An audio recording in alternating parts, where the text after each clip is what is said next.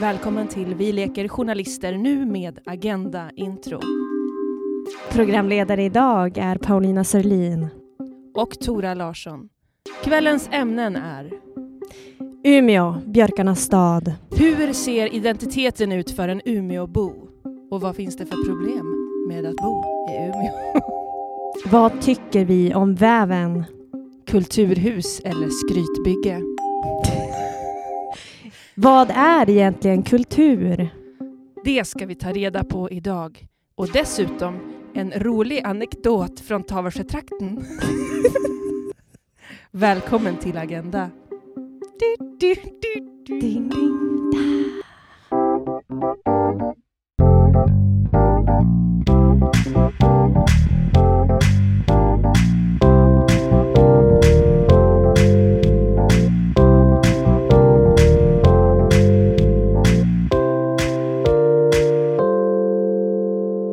Att det här är ju Vi leker journalister och eh, det är ju det vi gör. Och vi ska också prata om roliga ämnen. Och dag, nu har vi redan sagt det, men dagens Mm. ämne det är ju Umeå. Umeå, björkarnas stad. Mm. Ja, precis. Vi ska prata lite om vart vi kommer ifrån, hur vi har växt upp Ja, och jag ska försöka ha lite mer Umeå-dialekt, västerbottniska idag. Men du, Tora, hur är läget idag? men det är bra. Det är torsdag, vi spelar in. Ja, Ja, det är kul känns- att vara här igen. Ja. Avsnitt två också. Ja. Hur har det känts för dig sen, sen sist? Nej men bra, jag tror att jag lyssnade igenom vårt avsnitt typ tio gånger. Är det sant? Bara för att verkligen se till att vi inte har sagt något dumt. Ja, och för att se till att få upp de här tittarsiffrorna, Ja, lyssnarsiffrorna. Nu är det ju tio lyssningar Mm. Men frågan är då, sa vi något dumt? Nej, Nej, okej. det tyckte jag inte. Nej, vi Vi- fått, vi vi har fått lite kritik eh, från Ja. två håll. Ja. Min pappa tyckte ju att vi inte presenterade oss tillräckligt. Han vet ju vem jag är, men han ville ju veta mer om dig. Ja, precis. Och min pappa tyckte att jag inte hade någon dialekt. Så det var ju... Och, nej, och det var liksom mer, det var liksom kritik. Nej, inte kritik så. Men han sa väl typ lite positiva saker och sen bara Åh, alltså du hade ju ingen dialekt. Nej, okej, det, det Ja. tänkte jag ändå att du hade. Men det kanske man, man kanske tvättar bort det när man sitter ja, men så lite så kanske det blir ändå. Mm. Man försöker hålla sig i skinnet lite. Men du Mm. Paulina, första avsnittet, då började vi ju liksom med temat de vi är just nu. Mm. Det vi har gemensamt, nämligen att vi är studenter. Ja. Och nu breddar vi liksom det här cirkeln pyttelite. Vart är vi? Jo, vi är ju i Umeå. Mm, Och både precis. du och jag är ju härifrån. Exakt. Vi har ju vuxit upp på lite, lite olika sidor av stan. Eh, Och lite olika år, Ja, eller på verkligen. Ja, precis. Så temat är Umeå och här, det här är mest till min pappa då, kommer fakta om oss. Ja. yes, jag börjar. Eh, ja men Paulina. Eh, jag växte upp i Trehörningen och det är ju en liten by nära Tavelsjö. Jätte, jätte, jättefint. Mm. Alltså verkligen. Jag kan absolut tänka mig att bo där igen. Mm. Eh, så där bodde jag när jag var barn, körde lite fyrhjuling, red på hästar och det var verkligen vilda västern. Sen eh, flyttade vi till Tomtebo när jag var typ sex år. Okej. Eh, så jag började som skolan allting där. Eh, och där bodde vi tills jag var 18. Sen Mm. flyttade jag ju själv till Australien, till Melbourne. Mm. Längst ner i landet eh, och längst bort härifrån. Så år 2014 åkte jag dit. Sen kom jag hem igen 2015. Mm. Sen åkte jag tillbaka och backpackade 2016. Sen åkte jag hem igen 2017. Okej. Eh, jobbade här hemma på Ikea då. Och så sen flyttade jag tillbaka till Melbourne 2018. och sen då var jag back for reals 2019. Okej. Och sen har jag ju bott här sen dess. Så att det var ju mycket fram och tillbaka. Du har flugit lite grann, så att säga. Jo, det, det verkligen. Men du, Mm. fråga. Hur, må- hur ser familjen ut här Mm. hemma i Umeå? Eh, ja, men mamma och pappa bor ju här. Mm. Eh, och så har jag två yngre brorsor. Ah. Så att jag är äldst i familjen. Och året, du är född år? 95. Yeah, man. 1995. På Bästa 90-talet. året, mitt i 90-talet. Jo, that's my life. Du då Tora? Berätta om dig. Jag föddes 1989. Herregud. Efter Berlinmurens fall. Ehm, och eh, då bodde vi i Östbostan i något, några år när jag föddes och sen så flyttade mina föräldrar till Ersboda, settled down där. Eh, bodde på Ersboda tills jag tog studenten med mamma, pappa, stora syster, lilla syster, lillebror. Eh, och sen så flyttade jag hemifrån och då drog jag till London, bodde där ett år.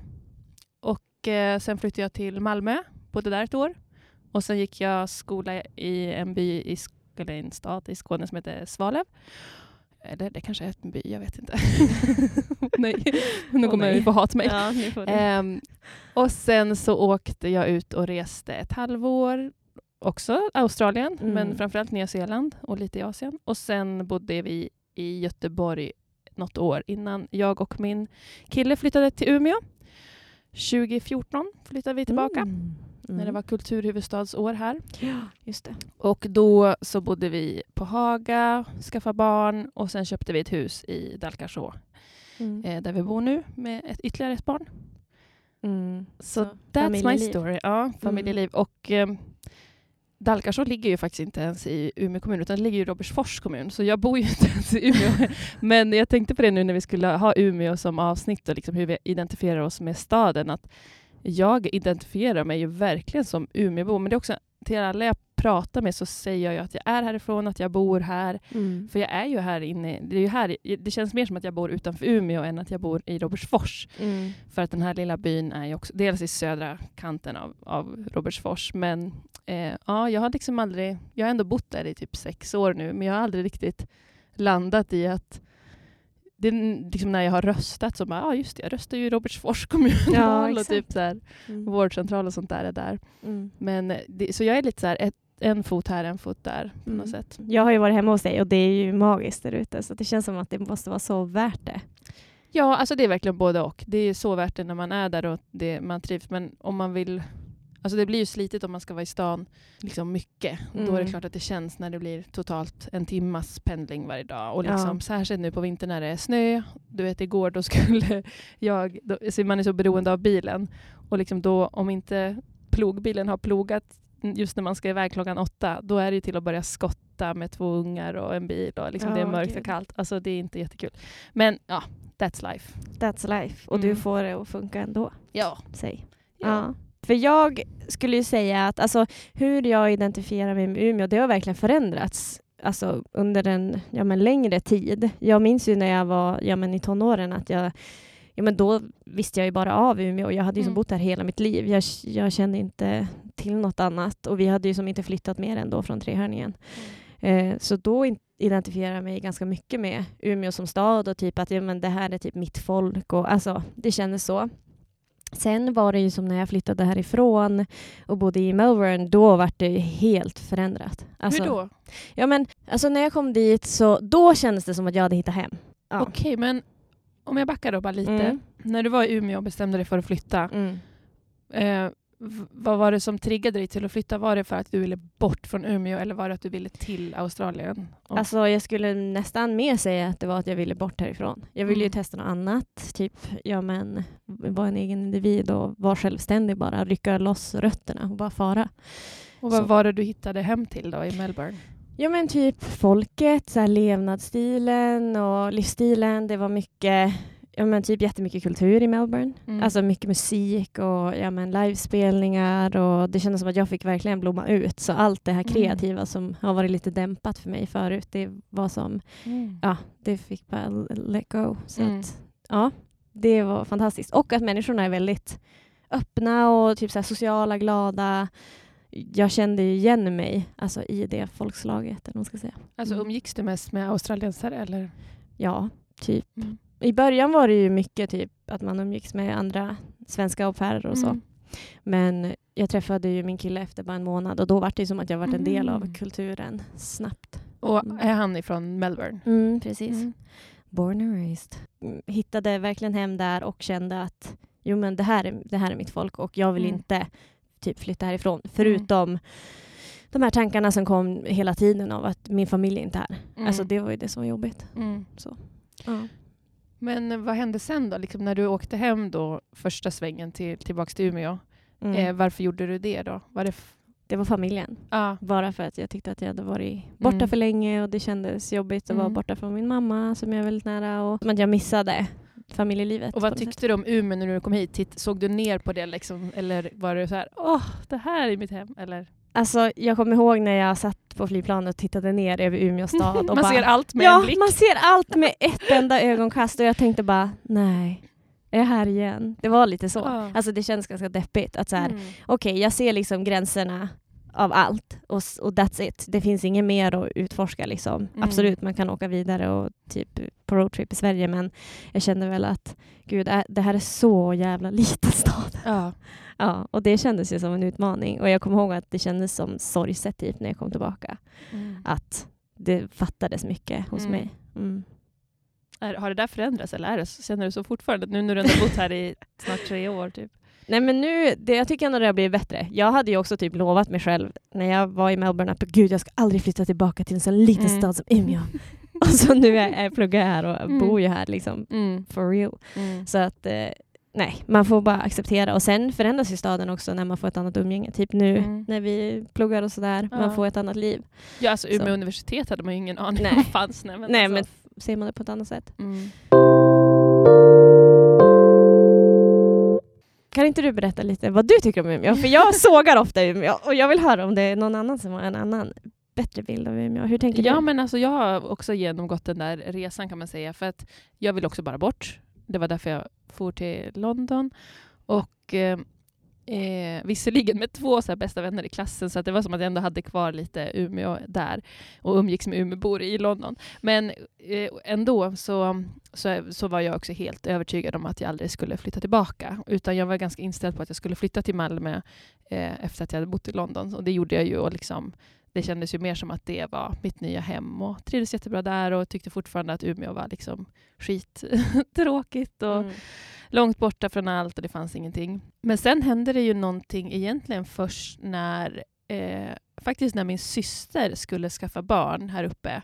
Då blev det väldigt real att okej, fine att jag träffar typ mina föräldrar och syskon två gånger per år, liksom sommar och jul. Men nu ska det komma några bebisar till världen, det var tvillingar. Och de kommer jag bara, alltså jag kommer, liksom, jag kommer inte hinna se dem växa upp. Mm.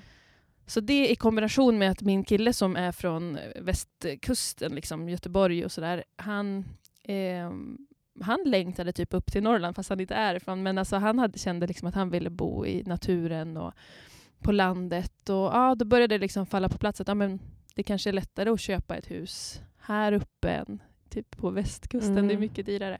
Så att eh, det föll sig som så att vi bara, men vi flyttar hem nu på prov. Nu har vi ändå inget liksom, som, som håller oss kvar här i Göteborg. Så flyttade vi hem och så blev jag gravid och sen Mm. då var det ju som, ja men nu skaffar vi barn och nu är vi här och med Ja. liksom familjen. Så att, och, och, och grejen var att då när jag kom tillbaks, då hade jag en helt annan blick på stan. Då såg jag ju så här, okej, här finns ingen stand-up-scen, för det var ju det jag höll på mycket med. Ja men då är det ju bara fritt fram, tänkte jag. Så, att det bra. blev liksom mitt driv och jag plockades upp också av personer som bara, men vi kan hjälpa dig att liksom Mm. starta upp den här standup-scenen. Så för mig har ju det varit som att, att så här, det är så, allt är så himla smidigt. Och du vet, på bara en vecka så hade jag, kände jag ju alla viktiga kontakter i stan. Alltså det är så litet att man Mm. ringer till någon som är chef på väven, eller liksom kulturchef Mm. där och någon som har restaurang och sen är det fixat och så kan man arra. Och folk, jag märker att Umeå älskar ju när man startar nya projekt och nya grejer. Alltså då Ja. är det ju bara, ja, säg liksom, vi gör en förening av det här, vi gör en, ni får pengar till det här, Mm. eller typ ja. Alltså alla jag pratade med, liksom så här, ja, men jag funderar på att starta en standup-scen, alla var bara ja, kör! Och liksom det, fanns, det finns ju som ett driv ändå i stan, och liksom, inte minst för musikscenen som har varit så himla stor här, underground-scenen, att man älskar det här gräsrotskulturer och nya uttryck och sådär. Så att jag har ju som känt att att jag flyttade in i någon slags positiv våg och kände att men det här är min stad och liksom jag, kan, Just det. jag kan växa här. Vilket år var det, var, när hände allt det här? Ja, men alltså, det var ju 2014 som vi kom 2014, hit och då var det. det ju mitt i det här kulturhuvudstadsjippo-året när det Ja, var liksom Perfekt timing ju. Ja precis, Mm. bara det för jag tror vi kom hit typ på sommaren och så var det, ja, det var liksom däremot december så, eh, så startade jag och min kille en barnteater. Vi tänkte att vi ska spela barnteater för att dra in lite pengar så här. och då så fick vi reda på att ja, men man kan söka liksom 20 014 kronor till något kulturprojekt. Det var så här 2014 Mm. pengar.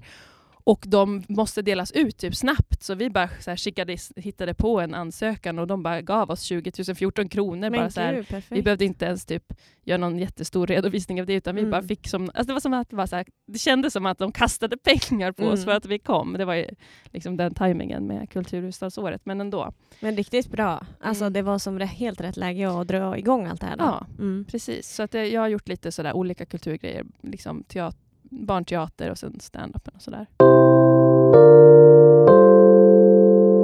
Du tycker ändå att det är positivt att det är en liten stad Ja. för att man har lättare att få bygga kontakter och Ja. det är liksom ett helt annat nätverk än om du skulle behöva luska i en jättestor stad. Ja men verkligen. Och när jag tittar på hur det är för de som har stand-up-klubbar eller sådär, eller liksom håller på med kultur i Malmö, Göteborg, Stockholm, alltså, eller som är skådespelare. Alltså det är sån jäkla konkurrens. Och det, du måste betala för att liksom hyra in dig på någon lokal. och så här. Här i Umeå visserligen finns det liksom massa problem och det, är sak- det kan vara tufft här också, men det finns så mycket så här resurser att bara typ ta över. Men vad skulle du säga då? Tycker du att Umeå är en kulturstad? Kan man säga det? Räknas det som det? Ja, det där är en svår fråga. Alltså det är klart att det är en kulturstad, för det finns kulturer, Mm. det finns frigrupper och det finns musikscener. Men sen fick ju jag också vara med, eller liksom kastas rakt in i den här kulturdebatten i Umeå. Med kulturhuvudstadsåret så byggde man ju upp Väven som Mm. skulle vara nya flashiga kulturhuset. Och det riktades liksom, pengar riktades, liksom, kulturpengar kastades liksom in i det här huset medan kulturlivet som, som levde upplevde på många sätt att saker, andra saker bara lades ner. Det fanns en jättefin Just gammal det. teater som heter Sagateatern. Den rustade man inte upp som den behövdes utan den fick lägga ner. Det fanns eh, en punkscen som heter Verket Mm. som också fick rivas. Det huset det tog man liksom inte hand om. Och så Skarinska, den här musikscenen och klubben Ja. mitt i stan. Asfint hus. Det huset var man tvungen att bevara och så föll det där liksom bara bort. Så det var så många underground-scener och fina platser som bara har liksom lagts Mm. ner och det har inte tagits om hand. Men Och visst- också då sticker i ögonen att pengarna har gått Ja. till det här huset, Jättestora väven huset. Mm. med stora flashiga lokaler som är jättesvåra att vara i. Det är svårt att arra där och det är inte särskilt kul att Nej. kanske vara där och ha en punkspelning eller vad man nu vill ha. Precis. Jag menar, vi har haft stand-up där, det sög ju. Eller Ja. liksom, det är ingen bra lokal Nej, för det är ingen stand-up. bra lokal. Nej, men för jag minns ju när jag gick i ja, men typ 8-9 att typ Hamnis var en jättestor grej. Det Mm. var ju Verket och liksom flera andra ställen dit folk gick och Mm. såg ja, men liksom på musik eller såg föreställningar och så. Och att det, var, det fanns liksom olika klickar över hela stan. Mm. Det känns som att nu har man ju bara centrerat det i väven då Mm. och att typ alla medborgare ska kunna rymmas i ett och samma forum. Och det Ja. kanske inte riktigt är en det kanske inte riktigt funkar som strategi. Nej, jag tror att typ kanske för, för den här liksom, vad ska man säga, fin kultur eller lite mer så här kultur där det kanske finns lite mer pengar, teater och jag menar vi har operan Ja, och den precis. rullar ju på liksom. Eh, så kanske det, det fun- fungerar bra, men jag vet inte vad som... Jag tänker mest på den här underground-scenen och gräsrotskulturen för att någonstans så behövs ju det för att det ska finnas en vara en kulturstad. Man kan ju inte bara Verkligen. ha fina flashiga lokaler och så kommer Riksteatern hit med en uppsättning och så köper folk biljetter och går på det och det är Mm. kulturstad. Jag menar, det måste ju vara lokal, lokal kultur. Ja, verkligen. Och lokala arrangemang. Att det inte alltid är Mm. något som är typ Sverige-wide. Liksom. Nej. Utan att det är sånt som är bara Mm. för Umeå. Mm. Eh, så det, det kan man ju faktiskt sakna lite. Mm.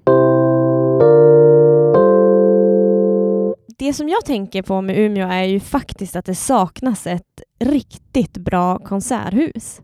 Alltså det finns Mm. bara Idun. Och jag Mm. menar, där har man, dit har man gått liksom sedan man var typ fem år och kollat på allt möjligt krimskrams. Så då vill man ju, man vill ju ha något nytt. Och att, och att Idun med Folkets hus, det är, lite, det är väldigt mycket konferenslokal. Alltså, ja. Även om det är nice i, i själva scenögonblicket, Ja. så när man ska gå på toa, då är det ute i korridor. Alltså det är Mm. ingen känsla runt Nej. omkring. Det är liksom ingen ingen typ vacker byggnad, det är Mm. inte så himla så här mysigt på kvällen. Det är bara ett träinslag på Mm. väggarna och grejer. Alltså det, nej, jag tycker att det är, Det björkkonst. ja, nej men alltså det känns som att, vad, när kan det där vara byggt? Typ 80, 70, 80-tal? Jag vet inte. Säkert. Men, Ja. men alltså när du säger konserthus, Mm. ja, då ser jag framför mig stråkorkester. Men vad är det du Mm. menar med konserthus? Typ Sydney Opera House blandat med typ nya Sara kulturhus. Alltså någonting Oh. mer eh, extra. Liksom. Du vill ha ett till skrytbygge?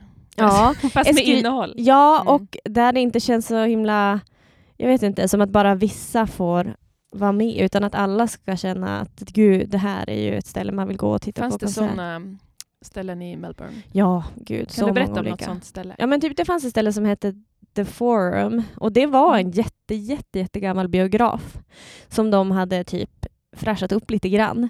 Eh, och den hade såna här anrika du vet, dörrhandtag och det var liksom Mm. gulddetaljer och den var målad och det var liksom krusiduller i taket och sånt.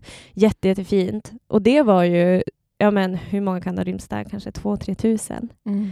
Alltså så det var ju asbra ställe att vad- gå på konsert. Vad, ja, vad, var, Mm. vad var det för typ av konserter du var Ja, på då? jag var ju på Cedar och det är liksom hårdrock. Jag Jaha! var där, Ja. jag gick dit själv en gång. Ja. Det finns ju en gammal biograf. Nu är den inte extra, det fin, den, den syns ju inte på utsidan, men du vet på Vasaplan finns det ju gamla Royal. Ja, alltså det är ju inget på precis. utsidan, det är ju bara som en hemlig liten gång. Just det. Alltså, Mm. var du på bio där? När du Ja, var? när jag var liten såg den här Så Tillbaka mysigt. till hönsgården. Med min farmor! Jag vet att jag såg Amelie von Montmartre Ja, där när jag var lite så tonåring. Riktig Mm. eh, sån där hipsterfilm. Men alltså där nere är det så mysigt och så är det ju Mm. flera flera biografer. Det är sån, och jag har hört rykten om att det där bara står tomt. Och att man skulle typ Ja. kunna göra det till kulturhus och så, men att det typ inte går Verkligen. vägen. Men va? Det är ju så dumt! Ja. Dit ska ju pengarna gå, om någonstans. Ja, liksom. förstår du? Så här, helt Ja. centralt men också lite underground-känsla och det här anrika. Och så Mm. bara öppna de dörrarna och typ Verkligen. se till att någon sköter huset och så får alla som vill vara där och göra Verkligen. kulturgrejer. Och liksom, det ska vara lätt att typ arra grejer. Alltså det kanske vi ska dra igång. Vi kanske ska kolla upp vad, Ja. som hände med det där. Vad För jag vet Ja. faktiskt, det var många år sedan jag hörde att det var något kring det där. Det hade Mm. varit ett bra ställe, för då kan Mm. alla ta bussen och hoppa av på Vasaplan. Det där ska vi säga till kommunen. Det är lätt Ja. att ta kommunaltrafiken dit. Vi får skriva ett litet mejl då. Mm. Men jag tror säkert också att Umeå skulle behöva mer ställen utanför stadskärnan, alltså som Ålidhems centrum med Klossen. Alltså Ja. att, tänk om, om Ersboda Folkets hus eller andra liksom, ställen i stan skulle bli mer så här, coola ja, kulturhusställen. verkligen. Då tror jag också staden skulle lyfta mycket. Precis, för det, Mm. du nämnde ju Ersboda precis, och Ja, där har jag varit på konsert faktiskt. Ja, du har det. Det är helt okej. För men de det är också, arrar ju mycket ja, där. De gör mycket. Ja, Mm. och eh, när vi hade eh, Funny Stand-Up-projektet så, så hade vi eh, klubb där och även kurs för att liksom och sa ju bara fy fasen vad nice, här borde vi alltid Mm. vara bara för att det funkar, alltså det är jättetrevligt och det är roligt att och liksom vara i en annan del av stan. Verkligen. Alltså. Och det är ju också lite sådär, skulle jag säga, lite mer gräsrot, alltså Mm. lite mera local. Mm. Så. Och då, det känns som att det är väldigt driven personal och många som Mm. är där som älskar att vara där. För jag menar de som bor på Ersboda som aldrig någonsin skulle typ ta sig in till stan för att gå på ett event som man köper biljett till i förväg. Alltså, Nej, De på kanske väven. plötsligt ja men exakt, eller på Folkets hus där vi hade klubb. Jag menar, Mm. de skulle ju eh, bara kunna gå förbi och bara shit, här händer det något och gå in. Alltså, det är det Verkligen. man vill ha. Ja, verkligen. Det får vi pitcha till kommun. Det var ju lite roligt när Väven fyllde fem år. Mm. 2019 kanske. Ja, då, um, då fick jag ju ett mejl där det stod så här vi ska ha lite så öppet hus hela dagen och det vore väldigt kul att ha en roast. Oj, modigt av dem. Ja, för att de vet ju att det har varit så mycket kritik mot Mm, väven att alla bara mm. det ser ut som en Finlandsfärja och det, man hittar ingenstans och det är så rörigt. Och, ja. Ja. eh, det är mycket klagomål och då Mm. ville de ju som fånga upp det i någon rolig tappning. Så då så styrde jag ihop en roast som vi hade av väven. Huset. Så kul! Så bra! Ja, det var jätteroligt. Ja. Så vi var ett gäng lokala komiker som skämtade om väven och eh, kulturchefen var där i liksom egenskap av eh, Oj. försvarare typ. Så han eh, eh, fick som sista ordet och så försvarade allting. Ehm, men eh, då så, för att liksom sammanfatta det, vad som är problematiskt med väven så skrev jag en liten saga som jag tänkte jag skulle läsa upp för dig. Men snälla, gör det. Ja, det, eh, alltså så här är det ju att eh, när, när kommunen byggde väven då, så gjorde de det tillsammans med ett företag som heter Fortnox. Jag vet inte om, om de har bytt namn nu eller någonting, men Mm. de är ju en del av Baltikgruppen. Känner du till Jaha. Baltikgruppen? Ja, absolut. De Gud, det har varit mycket äger- skriverier. Äger halva stan. Ja, de äger allt. Jo, Mm. så att eh, kommunen och Fortnox äger liksom halva väven var och den, de delarna som Fortnox äger hyr också kommunen för, för de har ju liksom så mycket verksamhet. Ja, just det. Och eh, Blå huset hyr också vissa delar och det är liksom café och, och Kulturbageriet och det här. Och Blå huset är också en del av Baltikgruppen så att allt är liksom Mm. bara, det är Baltik och kommunen. Och när man skrev på eh, kontraktet för att hyra det här eh, från kommunens perspektiv så, eh, så var det inte klart hur mycket det skulle kosta i slutändan. Ja. Så att kommunen skrev på att betala en okänd summa pengar i 25 Va? år. I 25 år? Ja, I 25 års tid ska de betala en summa som ännu inte är bestämd. Va? Skrev man på med skattemedel. Nej. Det är Och- så sjukt. Ja. Och då funderar jag på liksom, hur kommer det sig att man gör det? Var man dum? Var man full? Eller var man förälskad?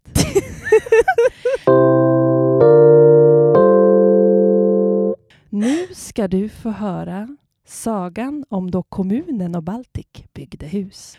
Det var en gång en man som hette kommunen och en kvinna som hette Baltic. Kommunen och Baltic blev blixtförälskade så där som man bara kan bli i sagorna och de bestämde sig därför för att bygga ett hus. Det skulle bli deras gemensamma drömhus. Här kommer alla våra drömmar bli verklighet, utbrast paret när de blickade ut över parkeringsplatserna som hittills hade kommit att kallas staden mellan broarna. Jag kommer bli världens största kulturstad, skrockade kommunen. Större än New York!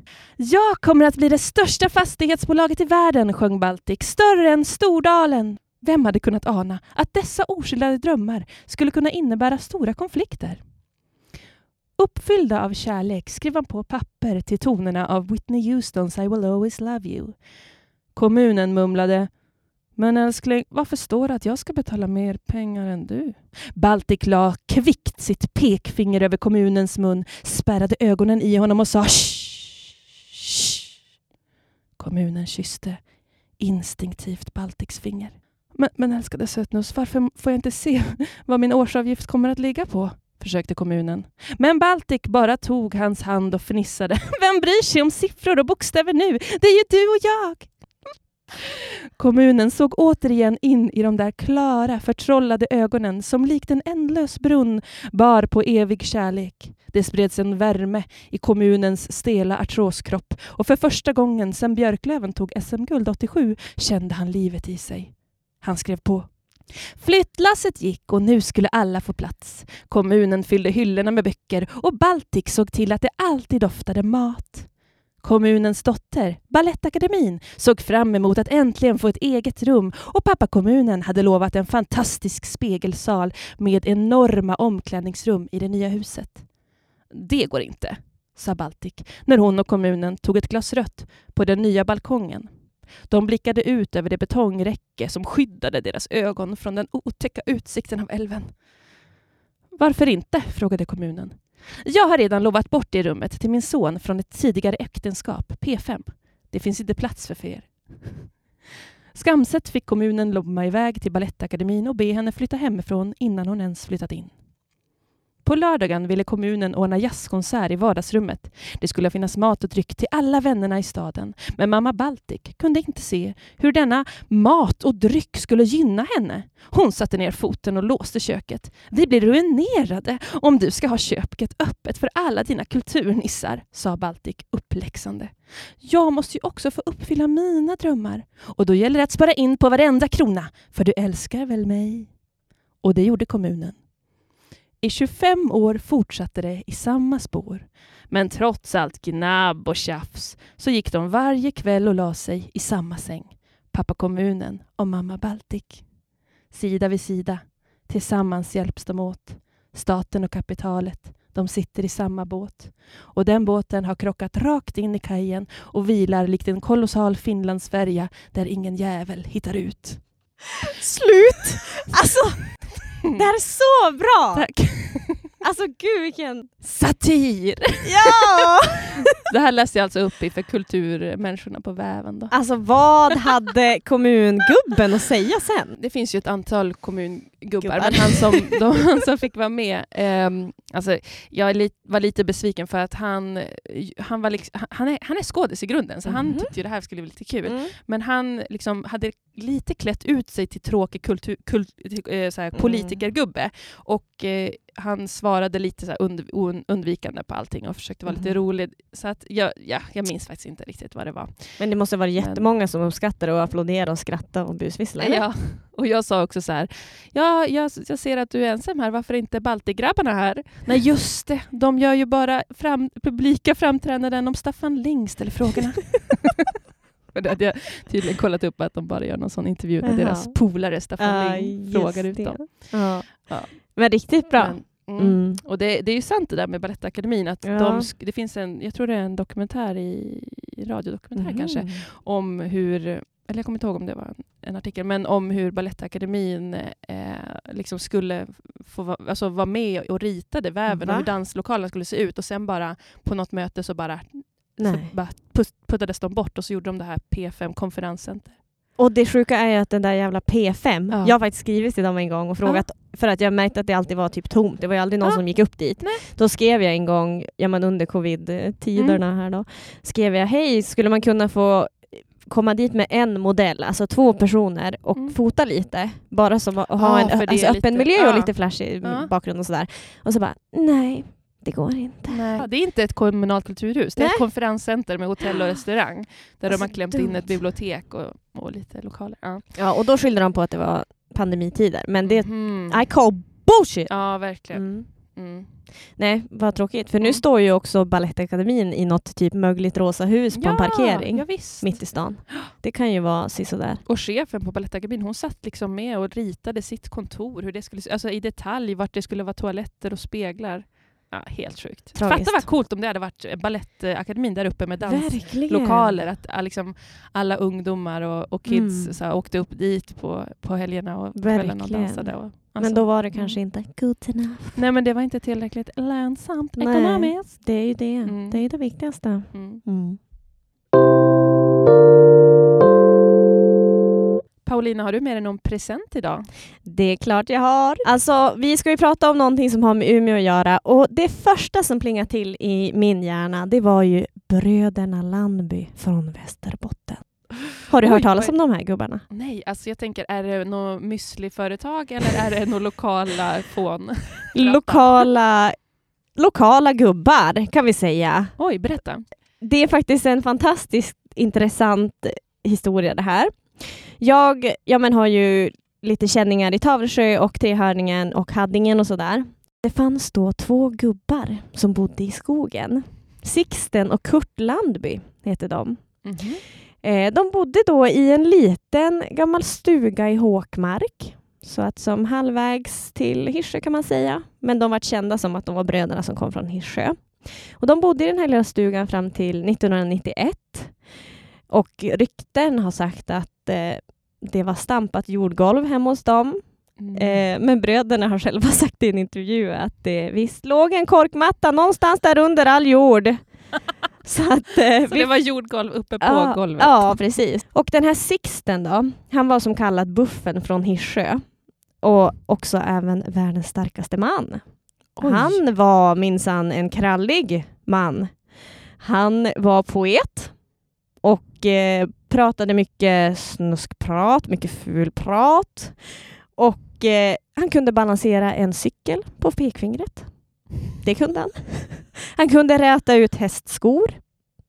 Och det här är liksom sant. Alltså, då for de runt, han och hans brorsa, eh, över hela Sverige och gjorde liksom typ alltså föreställningar och shower när han bröt hästskor och han lyfte grejer och de utmanade publiken till att slåss. Och det var liksom som riktiga såna här vildingar.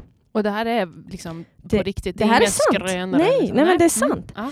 Och det finns ja, men tidningsurklipp på det här Ja. när man eh, ja, men marknadsförde gubbarna som åkte runt och att man skulle, man skulle få tusen riksdaler om man kunde lyfta samma skrot som Sixten. Och ja, men det som är så roligt med Sixten då, är att han, ja, men han åkte runt och visade sina kraftkonster och brorsan Kurt, ja, men han var ju manager. Han sjöng visor, ordnade slagsmål under showerna. Vänta, va? Ja. Ordn, sjöng visor, Ja, ordnade ja. slagsmål. Vilken underbar kombo. Ja, jag vet. Fantastiskt. Och eh, ja, men Sixten, en av hans kändaste dikter då, det är eh, Killa mig på Kilimanjaro. Har du hört talas om det här? Nej. Eh, det var även ett band som faktiskt sjöng in den här texten som en låt. Eh, typ Peppe and the Rockers eller var det Boppers eller vad det var. Ja. Något jätteroligt namn. Och det har också gått rykten, vilket inte är bekräftat att det är sant, det är nog verkligen bara ett rykte, att Sixten Landby, Lasse Brandeby, Rolf Lassgård, att de är okända bröder, för de är så himla himla lika. Ja, där kan man också googla fram vill se bilder på Vi dem. kan lägga ut en bild på dem i, Ja. på vår Insta. Ja, precis. Eh, och det finns då ett museum i Hyrsö där man kan läsa mer om de här gubbarna. Där man kan gå och kolla och läsa. Okej. Det är precis vid en badstrand i Hyrsö. Mm. Eh, och sen finns det då mycket på nätet och även faktiskt en video av de här bröderna när de sitter i sin lilla stuga eh, på öppet arkiv eller på SVT Play. Aha. Så det är jättekul. Men Eh, så. vart är de idag? Är de... De lever inte. Nej, okej. Nej, de har båda. Annars hade vi kunnat haft dem som Ja, gäster. det hade varit häftigt. De var verkligen så här pillemariska. Jag vet att de varit frågade eh, under sin intervju där inne i, i sin lilla stuga. Ja, ni, ni har inte funderat på ja, men, hur det blir när, om ni ramlar och slår er. Ni behöver inte så här långtidsvård eller så. Och ingen hemtjänst har ni heller. Mm. Nej, inte ska vi ha något sånt där inte. Vet du hur, hur det gick för dem sen då? Vad det var Nej, som hände? Nej, och jag vill ju veta det. Man undrar ju faktiskt, för att de hade det ju ganska eh, spartanskt om man säger så. Ja. Och Kurt han lagar maten. Åh, och Kurt han lagar maten så det är ju då bättre det än att vara på hemmet. Aha. Men jag tänkte jag skulle läsa faktiskt en av eh, Sixtens dikter. Gud vad underbart, det här blir liksom en läsecirkel idag. Ja, precis. sagor och dikter. Så Mm. bra. Så det här har Sixten skrivit. Han har skrivit det här. Mm. Och tänker nu att han hade ju en fantasi som heter duga. Mm. Och han var lite snuskig. Så att för pryda öron kanske det här blir lite häftigt men Okej, jag, ska, jag är beredd. Pungen är ju full av kraft. Långt och stadigt är mitt skaft. Med spetsen kan man skära glas och sätta kvinnor i extas. alltså. Men jag tycker ändå det är värt att prata om någon, för det är sådana där människor som säkert kommer glömmas bort om ja, men, typ 20-30 Mm. år. Vad skulle du säga att du tar med dig från, från liksom det du har hört om dem? Vad, vad, vad kan man lära av deras inställning till liksom livet eller något annat? Framför allt att så här, det är helt okej att gå din egen väg. Om du inte vill ha hemtjänst, om Mm. du vill bo i en liten stuga med Ja. jordstampat golv, det är Ja. helt okej. Gör det som känns bra för dig. Och man behöver inte bli en, en gamling på ett hem. Mm. Man kan också bo i sin hemby och tycka att det är nog så bra. Gud vad underbart. Jag vill jättegärna gå och kolla på Öppet arkiv nu. Ja. Har du med dig en present också? Jag har varit inne på Facebook. Ja. Jag är med i massa såna här olika lokala grupper. Det är mycket för att jag typ har gjort reklam för olika grejer och då går jag Just in det. i såna där. Och så är jag kvar. Det här är liksom en av stadsdelarna i Umeå som har en egen grupp och då kan det vara allt ifrån typ nycklar upphittade eller typ nu börjar vi med gympa här och så. Ja, Men, men då finns det ett tema som återkommer i många såna grupper och det är att man klagar på sina grannar. Mm, men den är ju classic. Den är klassisk. Och jag har nu med mig några inlägg eh, där man då klagar på hur folk beter sig i, ute på gatorna helt enkelt. Mm. Du ska nu få gissa vad eh, de här klagomålen får för motargument Okej.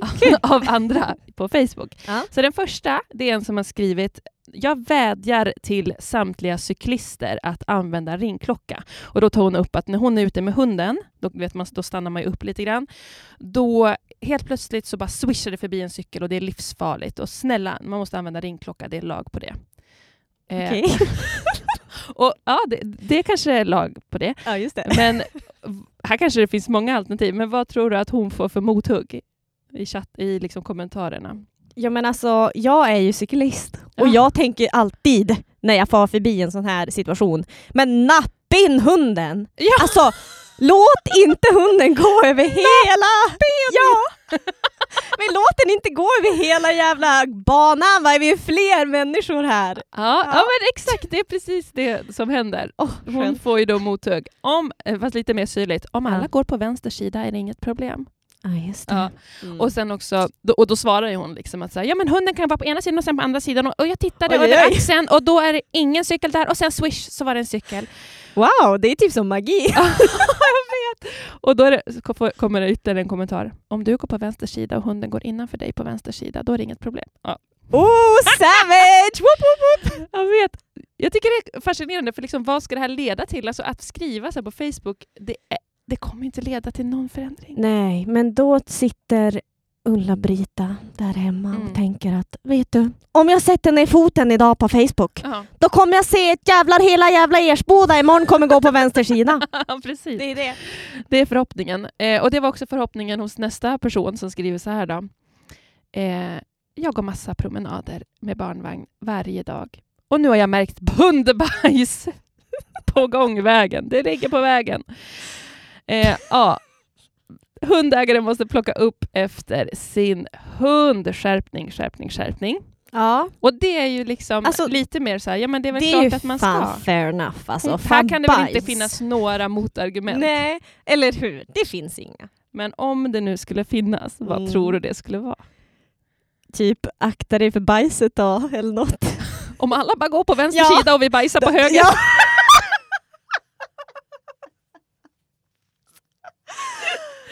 Ja, typ det är inläsning. Ja, det, motargumentet blir att, eh, jag vet inte vad det här kallas, men att man riktar, jag, tror jag läste det i skolan, man riktar fokus åt ett annat håll. Man kör en, liksom en halmgubbe eller vad det heter. Man skiftar fokus Ja. helt enkelt. Mm. har aldrig sett någon kattägare stäga, städa upp efter sin katt. Och hur är vi med fimpar? De som slänger fimpar, snus och coronamasker. Oj, corona! Varför bara klaga på hundägarna? Det är då, slash trogen hundägare. Ja, för liksom det, det är exakt samma sak. Ja, och coronamasker, det var ändå ett nytt ord Ja, faktiskt. Det har jag precis. inte hört förut. Har du inte? Nej, Nej. nej precis. Eh, nej, men så det var ju väldigt clever då. Då känner man ju Ja. bara, ja, that's true. Nu, Men det här är faktiskt-. Men det här är ju faktiskt något för kommunen att ta tag i tycker jag. ja, och det, det, var lång, det där var en lång kommentar. Det var många länkar till, till kommunens Oj. sida där det stod liksom vad som gäller och Ja sådär. just det, vi plockar upp efter Och någon själva. som skrev, det finns inte så många hundlatriner. Jo, det finns jättemånga. Alltså. Nej, men en tredje, ett tredje inlägg då. Det här är lite mer otippat, Mm. otippat problem då. Och kanske ett otippat ha, liksom så här, förslag att ta upp i en sån här grupp. Men det handlar om en mamma eh, som har en sjuårig dotter som eh, kommenterade sitt utseende genom att säga jag har så stora lår, titta. Och mamma säger liksom, eh, ja men det här är liksom för jävligt att barn som är så små ska tänka saker om sitt utseende och vart har hon fått höra det? Mhm. Och kan inte snälla alla bara prata med sina barn om att man inte ska kommentera utseendet och vikt, det är inte okej. Så det här är ju liksom en mamma som är upprörd över att hennes sjuåriga dotter har fått någon slags eh, introduktion till den här vikthetsen. Mm. Och det, det, för jag känner ju bara så här, nej men alltså, det här skickar man väl bara ett hjärta, absolut. Det är klart vi inte ska ha. Mm. Nej exakt, det finns ju som inget att prata om här utan det är ju bara nej vi Eller behöver inte gör det spä det? på. Vad tror du någon säger då? Ja eftersom vi fortfarande pratar om Ersboda så Jag har aldrig sagt on. att det är Ersboda. Nej. Jag, jag, jag försökte mörka det. Jag bara, det är en Jaha, stadsdel i Umeå. jag vill inte hänga ut någon. Det är stadsdel i Umeå. Just det, en Mm. stadsdel i Umeå. Nej Ja. men det är väl någon Umeåbo som sitter där hemma och knapprar på tangenterna då? Mm. Mm. Något negativt kanske? Ja. det, det, kommentarerna är, det funkar ändå inte. Jag har försökt. Alltså det spelar ingen roll om vi pratar med våra barn, för mina, jag har försökt prata med mina barn, men de är fortfarande fix- fixerade. Åh det här är så tragiskt men det, är och det är så jävla relevant. Men Mm. det är också lite skrattretande att det funkar ändå inte. Ja, alltså, Jag förstår Jag för- frustrationen. Ja, för det kanske, inte Mm. det kanske inte gör någon skillnad, för det är en stor jävla hets ute Ja, i världen. och som den är man- svår, det att få stopp på. sig. Det är som Ja. ett jävla unstoppable fucking train. Ja. Mm. Men jag tror också att, och men liksom varför, varför slår man ner på den här liksom, kvinnan Ja. som är desperat och ledsen över sin dotter och bara funkar ändå inte. Punkt. Funkar inte. Nej, den var lite sugig faktiskt. Men den här är lite värre. Mm. Ska man bara blunda? Va? Hur menar du då? Och då är det någon annan som går in och... Jag tror att det, det personen menar är att om någon är ohälsosamt tjock så ska man ändra på matvanorna. Så de bara går rakt in på det. Att så här, Nej. ska man bara blunda om någon This är is tjock? why we have this problem. Alltså, Man bara, lugna mig. Det är som att så här, bara, Gud, min dotter säger att hon är tjock. Ja. Men hon kanske var det. Så det funkar ändå inte om du säger sluta ta på låret för du är fortfarande tjock. Ja. Men snälla. Ja, men och det här visar ju det funkar faktiskt inte. Nej, För att det kommer alltid någon jävel bakom hörnet och säger Ja. att du är tjock ändå. Jag tycker det är spännande också när man tror att Facebook och såna här grupper är typ föräldragruppen i Ja. klassen eller så här forum. Lite min, ja, typ om man har en föräldramöte med, sin, med kla, barnens klass, då kanske Mm. man kan ta upp så här, det finns ett problem med klassen om vikthets eller någonting. Ja. Men att ta upp det med en grupp med 1500 medlemmar, vad ska hända?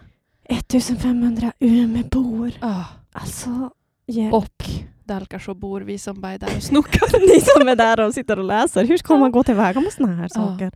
Nej men jag vet inte, det känns bara som ett jäkligt konstigt forum att ta upp det i. Det är en Mm. sak om den här mamman hade suttit med en kompis och bara du, vad säger du till din dotter när hon Mm. ifrågasätter varför hon Mm. har tjocka lår? Mm.